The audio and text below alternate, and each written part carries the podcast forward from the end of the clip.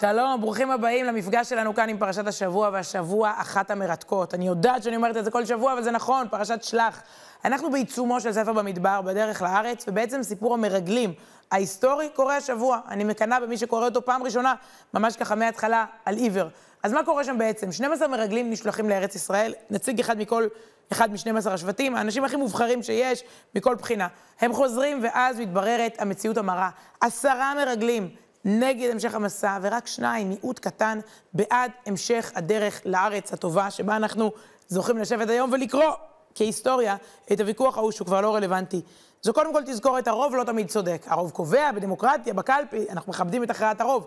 אבל בעניינים של רוח, של ערכים, לא תמיד הרוב צודק, לפעמים גם המיעוט צודק. ואנחנו בעצם, בגלל אותו חטא, בגלל אותה טעות של המרגלים, 40 שנה נתקענו במדבר. חטא המרגלים, אומרים לנו אה, פרשנינו, מלווה אותנו עד היום. הרב קוק כתב שהדור שלנו צריך לתקן את זוהמת המרגלים, כך הוא הגדיר את העובדה שהם שם לא רצו שהעם ימשיך לארץ. אני חושבת שהפרשה הזו הופכת לנו את הראש בהגדרה של מה זה צדיק, הגדרה של מה זה רשע, הגדרה של מה זה פייק ניוז, וגם אפילו הגדרה על תפקידה של האישה. אז בואו נראה אם נספיק לדבר על כל המהפכות האלה בתוך הסיפור המפורסם, את העובדות הבסיסיות.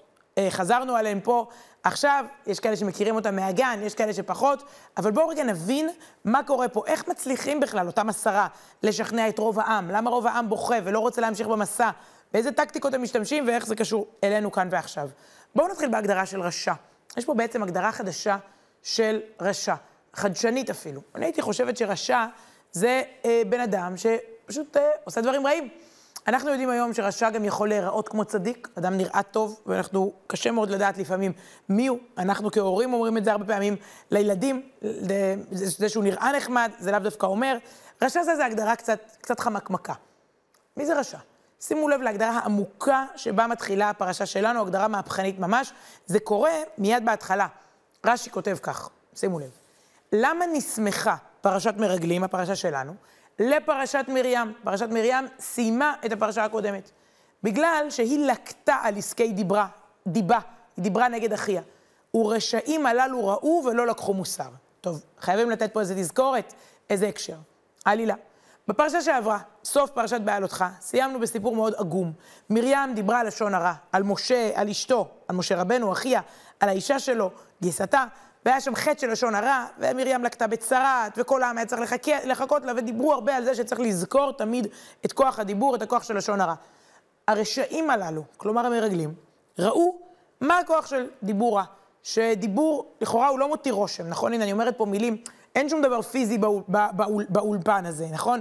או אצלכם בסלון. דיבור מחולל משמעות, צריך לשמור על דיבור טוב וחיובי. מה זאת אומרת רשעים? הם היו שם כשזה קרה. הם ראו שקורה משהו ענקי, שכל העם עוצר, כי מרים מלמדת אותנו פה שיעור על לשון הרע. כל הכותרות הראשיות, כל הפושים בכל הפידים, כולם דיברו על זה.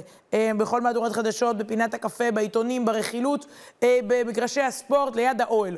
כל המציאות עסקה בכך שדיברה, מרים דיברה לשון הרע, קיבלה צרעת וצריך לחכות לה. רגע אחד אחרי, נגמרת הפרשה הקודמת, מתחילה פרשה חדשה, מה הם עושים? מוציאים דיבה, מדברים לשון הרע. הולכים לארץ ישראל וחוזרים ומלכלכים עליה ואומרים שהעם לא טוב והארץ לא טובה ואי אפשר להמשיך. הלו, לא למדתם שיעור מאישה אחת קטנה, עכשיו אתם אומרים לשון הרע על כל העם, על כל הארץ? זה העניין? איך יכול להיות שכזה אירוע מטלטל לא משנה לכם את החיים? שכזה דבר מסעיר לא גורם לכם להשתנות. מה זה רשעים? איך אמר רש"י? ראו ולא לקחו מוסר. רשעים זה מי שרואה את המציאות ולא מפנים. מתחולל לו משהו גדול מול העיניים, הוא לא משתנה. אלוקים מלמד אותך לקח, שולח לך שיעורים, רק תסתכל, רק תפנים, כלום. דברים אדירים יכולים לקרות סביבנו, בלי להתבונן, בלי לשאול איפה זה נוגע בי, מה זה מלמד אותי, מה הלקח שאני צריך ללמוד. אמר הרב אה, משה צבינריה על הנקודה הזו, על, אה, על רשעים. רשע, הוא אומר, זה מי שהמציאות עוברת לידו ולא עוברת בתוך ליבו ובתוך מוחו. כלומר, אומר הרב נרי, הרשע זה אחד שממשיך כרגיל. אדישות היא בעצם רשעות. אדישות. לא להיות ערניים, לא להיות קשובים, לא לשים לב לעולם שסביבך, לא ללמוד דברים ממה שקורה. בקיץ שעבר, וזה רלוונטי מאוד, גם ביוני, יולי, אוגוסט האלה, היו כמה מקרים של שכחת ילדים ברכבים בשמש, טרגדיות שקורות. ושני ידידים שלי, בעלי משרד הפרסום פאסי קראוס, אה, יצאו לקמפיין הזה, ואני זוכרת שדיברנו, קמפיין חינמי, אה, מה שנקרא פרו בונו בשביל הציבור, אני רוצה שנראה יחד את המודעות, אבל אני זוכרת שדיברנו איך הם שמעו משהו בחדשות, קרה לך משהו, תשתמש בו, תעשה איתו משהו, אל תהיה אדיש. אז הנה תראו, האם הסתכלת אחורה היום, לא שוכחים ילדים ברכב, ואנחנו רואים פה כבר את מודעת האבל חלילה. לא תשכח עכשיו, כדי שלא תזכור לנצח, רק לחשוב איך זה יכול ללוות הורה חלילה. נולד בתשע"ט, נפטר בשנת תשכח. לא תשכח, וגם, כמה עצוב, תינוק באוטו, היה תינוק באוטו. כל המודעות היצירתיות האלה, בעצם, קודם כל, זו תזכורת טובה גם לקיץ הזה לכולנו. אבל גם, כל הקמפיין הזה נולד מ...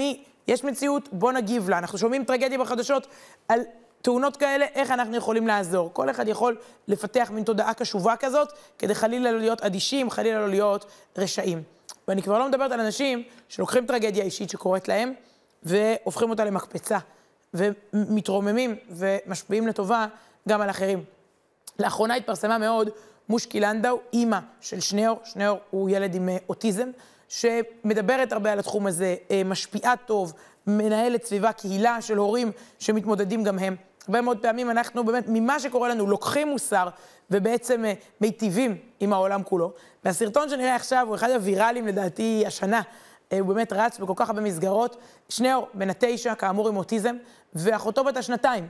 מלמדת אותו לומר את המילה שוקולד. האימא תפסה את הרגעים האלה במטבח, רגעים מאוד מיוחדים, שמלמדים הרבה על גידול ילדים כאלה, וגם נותנים קצת אופטימיות. תראו איך האחות הזאת בשיעור קצר משפרת לו את יכולת הדיבור, מלמדת אותו. הנה.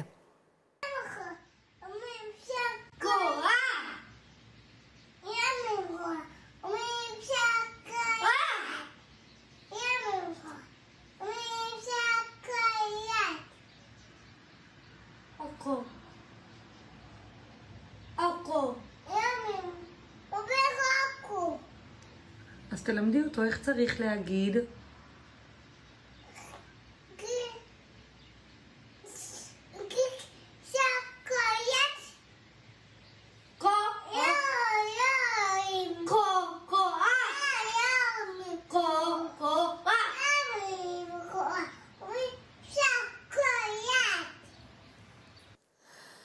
אז לא אומרים אוק, אומרים שוקולד.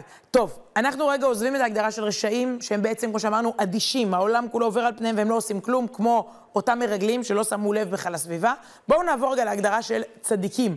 נחדש גם את ההגדרה הזו ונבין רגע מה, מה ההבדל בין, בינם לבין אותם רשעים. הרבה מאוד פעמים צדיק צריך אומץ לעמוד על שלו מול החברה, מול הסביבה. מדובר על שניים, יהושע וכלב, מתוך השנים עשר אה, ששוב, היו אנשים חשובים, חכמים, מובילים, צדיקים, הם היו המובילים של כל שבט, 12, ובסוף רק שניים, כלב ויהושע, חוזרים ואומרים את המשפטים המפורסמים, טובה הארץ מאוד מאוד, עלו נעלה, יכול נוכל לה. אני אתן לכם ספוילר, הם גם צדקו. אנחנו יושבים עכשיו בארץ הזו, הטובה מאוד מאוד. הם חשבו שצריך להמשיך. אם הרוב היה קובע אז, היינו מתים במדבר, או חוזרים למצרים. כל הסיפור ההיסטורי היה נקטע. כלומר, הצדיקים גם צודקים במקרה הזה, אבל מה גרם להם? מאיפה העצמאות הרוחנית הזאת? אז בואו נבדוק את שתי הדמויות, את יהושע ואת כלב. יהושע היה מחובר לאדם גדול, הוא היה מחובר למי? למשה. משה אפילו שינה לו את השם מהושע ליהושע, התפלל עליו, הוסיף לו את האות י', ויהושע היה צמוד למשה רבנו. כלומר, במשך שנים יהושע לומד ממנו, מושפע ממנו לטובה. יש תיאורים מדהימים איך יהושע פורס את המחצלת, שם את הספסלים בשיעורים של משה רבנו. כשאתה מחובר לעוצמות, לאדם גדול, אתה מושפע, מושפע לטובה. וזה מה שהציל במובן מסוים את יהושע, לא אה, להאמין לעשרת המרגלים שרצו למשוך אותו לכיוון הלא נכון. ומה קורה עם כלב? מה התורה מספרת על כלב? איך הוא יצא כזה, יצא את הצדיק, מה שנקרא? פסוק קטן עם הערה קטנה שלדורות ככה הפכה לאיזה סמל. שימו לב. כתוב כך, ויעלו בנגב, ויבוא עד חברון. מתארים לנו את המסע של המרגלים. הם יצאו לארץ ישראל, הסתובבו בה 40 יום, אחר כך הם חזרו עם הדוח שלהם, שאומר שלא כדאי לחזור לפי העשרה. אבל בזמן שהם מסתובבים, מה זה אומר שיעלו בנגב? כולם מגיעים לנגב. ואז, מה זה ויבוא עד חברון? ויבואו, איפה כולם? לא, רק כלב. שימו לב להסבר של רש"י. ויבוא עד חברון. כלב לבדו הלך שם ונשתטח על קברי אבות, שלא יהא ניסת לחבריו להיות בעצתם. ניסת זה מלשון הסתה. כלב לבדו זאת הגדרה של אדם, לפעמים צדיק. אברהם אבינו היה מכונה אברהם העברי, אומרים כי הוא היה מעבר אחד וכל העולם מעבר השני. זה בסדר להיות בפני עצמך. הרבה מאוד פעמים ישראל הייתה צריכה להיות מעבר אחד וכל העולם. אנחנו כמובן לא רוצים שהעולם כולו יהיה נגדנו בשנים האחרונות, אנחנו גם משכנעים את העולם, אבל לא צריך לפחד לפעמים להיות במיעוט. כלב הולך לחברון לבד, הם כולם בנגב. רק הוא תופס סיבוב ונכנס לחברון, למערת המכפלה, איפה שנמצאים אברהם ושרה, יצחק, רבקה, יעקב, לאה, כולם שם. עלייה לקברי צדיקים, היום, בטח, היא לפעמים עם דימוי קצת מיושן, קצת פרימיטיבי. לצערנו, לפעמים יש מסביב הרבה מאוד מסחרה, לא בדיוק כעצמאות רוחנית, אתה בא ומציעים לך כל מיני דברים. כלב מזכיר לנו משהו מאוד מאוד נקי. הוא מגיע לקברי האבות והאימהות שמשפיעים עליו, והוא רוצה להתחבר לרוח שלהם, הוא בן שלהם, דור אחרי דור אחרי דור, והוא רוצה את הרוח הזאת, וזה עוזר. הוא באמת מקבל שם איזושהי רוח עצמאית, רוח אחרת, כך כתוב במקום אחר בתורה, שלאדם כזה יש רוח אחרת, שלא יהיה שוב, מה הייתה ההגדרה של רש"י? רש"י ניסת, הסתה. יש אה, אה, לחץ חברתי, יש איזושהי, הייתי אומרת, איזו, איזו דחיפה של עשרה, שכל הדרך אומרים, נו, כלב, בוא איתנו. כלב היה מחובר לאנשים שאולי לא חיים פיזית פה, הוא לא פגש את אברהם, אבל הנשמה שלו פגשה. הוא היה שם והוא קיבל עוצמות וקיבל כוחות. כך שבעצם כשהם חוזרים כ, אה, כמיעוט, יהושע וכלב, זה בזכות העובדה שהם מחוברים למקום גבוה יותר. למשה רבנו, לאברהם אבינו. אנחנו רואים פה גם צדיק וגם רשע, בצורה קצת חדשנית ממה שחשבנו עליהם קודם. אוקיי, אז הם מגיעים. והסיפור ההיסטורי הוא באמת מרתק, הם מתייצבים מול העם, עשרה מול שניים, ונותנים דוח. בעצם מספרים מה קרה. שלחו אותם לעשות דוח מודיעיני, וכמובן המטרה היא לחזק את העם, לתת לו כוחות לקראת המסע, אז זה לא היה צריך להימשך 40 שנה. 40 שנה זה עונש בגלל חטא המרגלים. כלומר, הדרך הפיזית ברגל ממצרים לישראל זה כמה ימים. הם באו, קפצו קדימה, כדי לתת לנו איזה פרומו, לספר קצת וזהו. מה שקורה באמת, ופה אנחנו מגיעים לנקודה השלישית, היא פייק ניוז. אנחנו מקבלים פה הגדרה חדשה של פייק ניוז, או מה שנקרא חדשות כזב, הגדרה חדשה של תעמולה ותעמולה נוראית. זה במובן מסוים הפייק ניוז הראשון בתורה, אני חושבת. זה התחיל בשבוע שעבר, אולי אתם זוכרים, עם ישראל התחיל לדבר על האבטיח, על השום, על החציל, על הדגים שהם אכלו במצרים, איזושהי נוסטלגיה מזויפת, בכלל לא קשור לעובדות. זה היה פייק ניוז בנוגע לעבר. עכשיו יש פייק ניוז על העתיד. המרגלים בעצם בזיוף ממש כאילו אה, הזוי, מדברים על ארץ ישראל לרעה. במקום להגיד מצרים היא רעה והארץ היא טובה, הם הופכים בין המקומות. הם נותנים לנו פה שיעור בתעמולה מאוד מעניין ללמוד לעומק, מי שמתעסק ביחסי ציבור, בתקשורת, בדוברות, זה מדהים. קודם כל דוקומנטים. הם מביאים מארץ ישראל פירות ענקיים, העם מעולם לא ראה דבר כזה, תמיד אמצעי ויזואלי עושה את זה. הם מביאים אשכולות ענבים ענקיים. ואז הם אומרים, עד היום זה הלוגו של משרד התיירות, מכירים את הלוגו של המרגלים, סוחבים את האשכול הזה. אז הם אומרים לציבור ככה, תראו, אם זה גודל הענבים, רק תדמיינו כמה גדולים וכמה מפחידים האנשים, כן? זה כבר, אימא'לה, מי רוצה להגיע לארץ, שזה גודל הענבים שאנשים אוכלים בה. ואז הם בונים נאום, נאום ממש משכנע. הם מתחילים בטוב, הם מתחילים במחמאות לארץ שהיא מצוינת. אבל אז מגילה, מגיעה מילה קריטית, אפס. אפס במובן של אבל. אפס, אבל מפה, שימו לב שהארץ מתחילים ללכלך עליה, לייאש את העם. לאט לאט לאט העם משתכנע, בגלל באמת, הם יודעים את העבודה, האמצעים מתוחכמים, והעם, אנחנו יודעים, כבר לא כל כך, אה, מראש לא מגיע עם כל כך הרבה חזון ואופטימיות וביטחון וכולי. הנקודה המרכזית, ואני חושבת שהיום בתקשורת זה סופר חשוב, בתקשורת, בתקשורת החברתית, ברשתות, באולפנים, לא משנה אחרי מי אתם עוקבים. יש פה ערבוב בין עובדות לבין דעות, בין מידע לבין פרשנות. שימו לב, זה שיעור בתקשורת ושיעור על הפרשה ביחד, זה עיקרון קריטי לחיים שלנו. ואנחנו כל הזמן מזגזגים בין עובדות לדעות. הרבה מאוד שנים, אני זוכרת, בתור כתבת צעירה, ראיתי את הפער הנחשק בין כתבתנו, שמסקרת דברים, לבין פרשניתנו. המון כתבינו שואפים להיות פרשנינו, מאחורי הקלעים. כן, זה לא כזה משנה לכם בבית, האם הוא כתבנו או פרשננו, אבל אתם אולי לא שמים לב. זה עולם שלם של קידום, של קרדיט, זה שדרוג, הבדל של שמיים וארץ. אתה כתב או שאתה פרשן? מה, הרוב רוצים להיות פרשנים, לא רק להביא עובדות, אלא אני גם מפרשן. המרגלים נשלחו להיות כתבים. אבל חזרו בתור פרשנים. אף אחד לא שאל מה דעתכם, ביקשו מכם עובדות תכלס, נטו. הם הוסיפו, וזה החטא. זה נכון אגב גם בתחום המודיעין.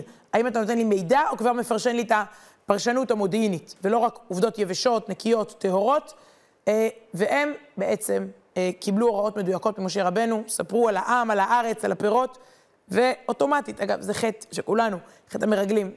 נורא קשה להגיד נקי, כן? אחד ועוד אחד שווה שתיים זה פשוט, אבל בואו, אני רוצה להוסיף לזה. אגב, כהורים, כמה קשה להפריד בין מה הילד עשה לבין הפרשנות שלי. מיד אני מוסיפה פרשנות על העבר שלו, על העתיד שלו, אינטרפטציה. מה זה אומר עליו, מה זה אומר עליי, מה זה אומר על הנכדים שלו, על אשתו בעתיד, איזה חותנת אני אהיה, אוי, הוא היה ככה מגיל שנתיים, כל, הכל נכנס, איזה מעשה פשוט בהווה, אמא, מה בסך הכל עשיתי? נורא קשה להסתכל על האינפורמציה הפשוטה, להיצמד למה שקרה. לפני 600 שנה, יושב הרב יצחק ארמה בספרד, ובספרו הנפלא, עקדת יצחק, הוא כותב כך, שימו, שימו לב, מה עשו המרגלים ומה אנחנו גם עלולים לעשות בחיים. הוציאו עצמם מכלל מרגלים ונכנסו בכלל יועצים, ולזאת הסיבה חטאו מאוד. אומר הרב הרמז, זה חטא חמור. אמרו לך, תביא מידע, אתה כבר מוסיף את הפרשנות שלך, זה חטא. לא שאלו אתכם אה, אה, האם אתם בעד, לא ביקשו שתייאשו את העם. שווה מאוד לבדוק איפה אנחנו בחיים עושים את זה. זה מאוד מאוד פרקטי, כן? לנסות ממש לראות בהמשך היום הזה, מכל דבר, האם זה נטו, או שאני מוסיף לזה ברוטו את כל, ה, את כל הפרשנויות שלי. אה, כמו שגם מה שאמרנו על רשעים, לא להיות אדישים, מה שאמרנו על צדיקים, להתחבר לאנשים גדולים, לאבות, לאימהות, לדמויות גדולות, וגם עכשיו, אתה רוצה להתרחק מפייק ניוז, הבדל בין עובדות לדעות, כמה, איפה מנסים לחנך אותך בתקשורת, איפה עובדים עליך, איפה נותנים לך פרשנויות ו, ולא עובדות. Um, הרבה מאוד מהבעיה של המרגלים הייתה בחוסר האמון. הם לא האמינו בזה שהעם מסוגל, הם הקטינו את, את הארץ, את העם, את כל הבשורה, את כל... לאן אנחנו הולכים. אין סיכוי, פשוט אין סיכוי. וזה מחליש, זה כיף מאוד לשמוע שאתה קטן ולא יכול.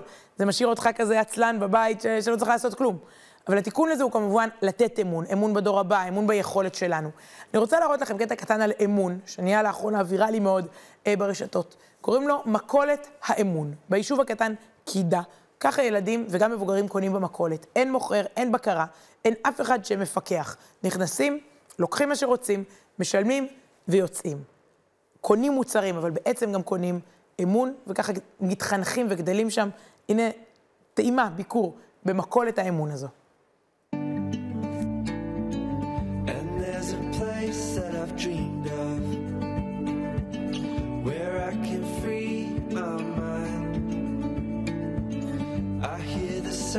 Of the season and lose all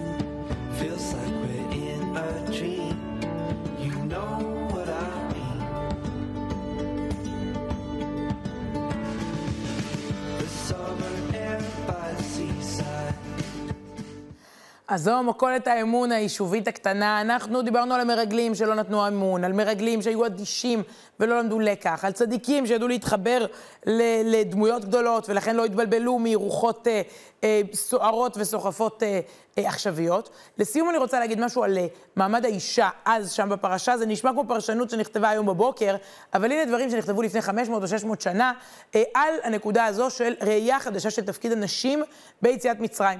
יושב בפולין הרב שלמה אפרים מילונצ'יץ' בספר שנקרא כלי יקר, ואומר דבר מאוד מעניין על המסע הזה של המרגלים. סליחה, בכותרת אומר, למה לא שלחתם מרגלות? האנשים היו שונאים את הארץ, כך הוא כותב, והנשים היו מחבבות את הארץ. ועל כן אמר הקדוש ברוך הוא, לפי דעתי שאני רואה בעתיד, היה יותר טוב לשלוח נשים המחבבות את הארץ, כי לא יספרו בגנותה. כלומר, חטא המרגלים הוא בעצם אולי שלא שלחו מרגלות באותו דור, ואומרים שגם בדורות אחרים.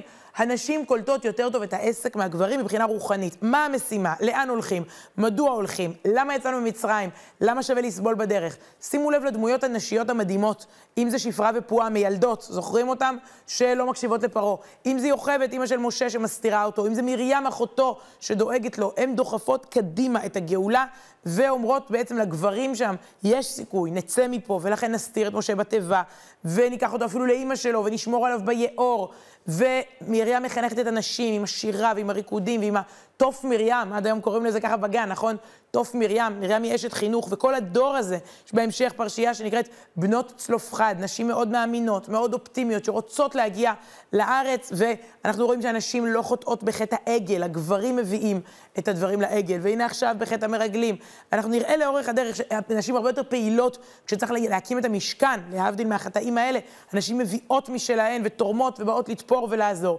יש פה איזה דור שבו הן מחונכות אולי במובן אה, טוב יותר, מחוץ למחלוקות של האגו והכבוד, מזהות, אפשר כמעט להגיד מריחות טוב יותר, פחות מקטרות, יותר מאמינות, פחות סובלות, יותר רוצות. ולכן אומר הפרשן הזה בפולין לפני מאות שנים, הייתם שולחים מרגלות, כבר היינו בארץ, לא היינו נתקעים 40 שנה במדבר, יש כוח נשי, צריך לשלב את הקול שלהם בהנהגה, יש להם מקום. ובמובן מסוים אני חושבת שזה תזכורת, הגדרה מאוד עוצמתית, מאוד בטוחה בעצמה, אה, של, של נשיות ושל קול נשי, אה, מהמדבר אה, ועד היום, במובן מסוים. אם נסכם רגע את, את מה שדיברנו עליו, הרי שראינו פה קצת הגדרות חדשות לדברים שמראש, מילים שאולי הכרנו קודם, קצת רעננו אותם. דיברנו על רשעים, וראינו שרשעים הם בעצם אנשים שהם אדישים. דיברנו על צדיקים, וראינו שצדיקים הם בעצם עצמאיים. דיברנו על פייק ניוז וראינו כמה אנחנו לא אובייקטיביים, איך כל אחד הוא סובייקטיבי, וזה בסדר, צריך להיות מודעים לזה, להיות סובייקטיביים לצד הנכון. ודיברנו על החשיבות של הקול הנשי. איך מתקנים את כל זה? אנחנו רואים פה עם במצוקה. בסוף הפרשה היא טרגדיה. חטא המרגלים תוקע אותנו 40 שנה במדבר. שימו לב מה קורה בסוף. יורדים לפרקטיקה, למעשה, לעולם הזה, מקבלים שתי מצוות נורא נורא מעשיות, תזכורות יומיומיות. עם כל הרעיונות הגדולים וכל השיחות הזה, צריך להגיע לארץ. עכשיו יש 40 שנה במדבר, בואו נתחיל להתחנך. ואנחנו מקבלים מצווה אחת מאוד נשית, מצווה אחת מאוד גברית, שילוו אותנו מעכשיו. מצווה הראשונה, הפרשת חלה. עד היום, כמעט אני אומרת טרנד, זה לא, לא טרנד, זה מצווה, אבל כמה טקסים של הפרשת חלה, וכמה נשים אוהבות את הטקס הזה של באמת לאפות חלה, ולהוציא חלק מהבצק, ולברך, זה כבר הפך באמת לסוג של מסיבה כזאת, בכל כך הרבה מקומות, בציבורים, במגזרים, שם זה מתחיל בפרשה. מלמדים אותנו על המצווה הזאת להפריש חלה. מצווה שנייה, ציצית. שוב, יורדים אל העולם הזה ונותנים איזושהי תזכורת תמידית באשר אתה תלך, אתה תראה ותזכור, זה, זה תכלית של המצווה, אתה לובש תמיד תזכורת לכל אותם דברים. אולי עם הפרשת חלב עם ציצית, יש סיכוי שחטא המרגלים לא יחזור על עצמו.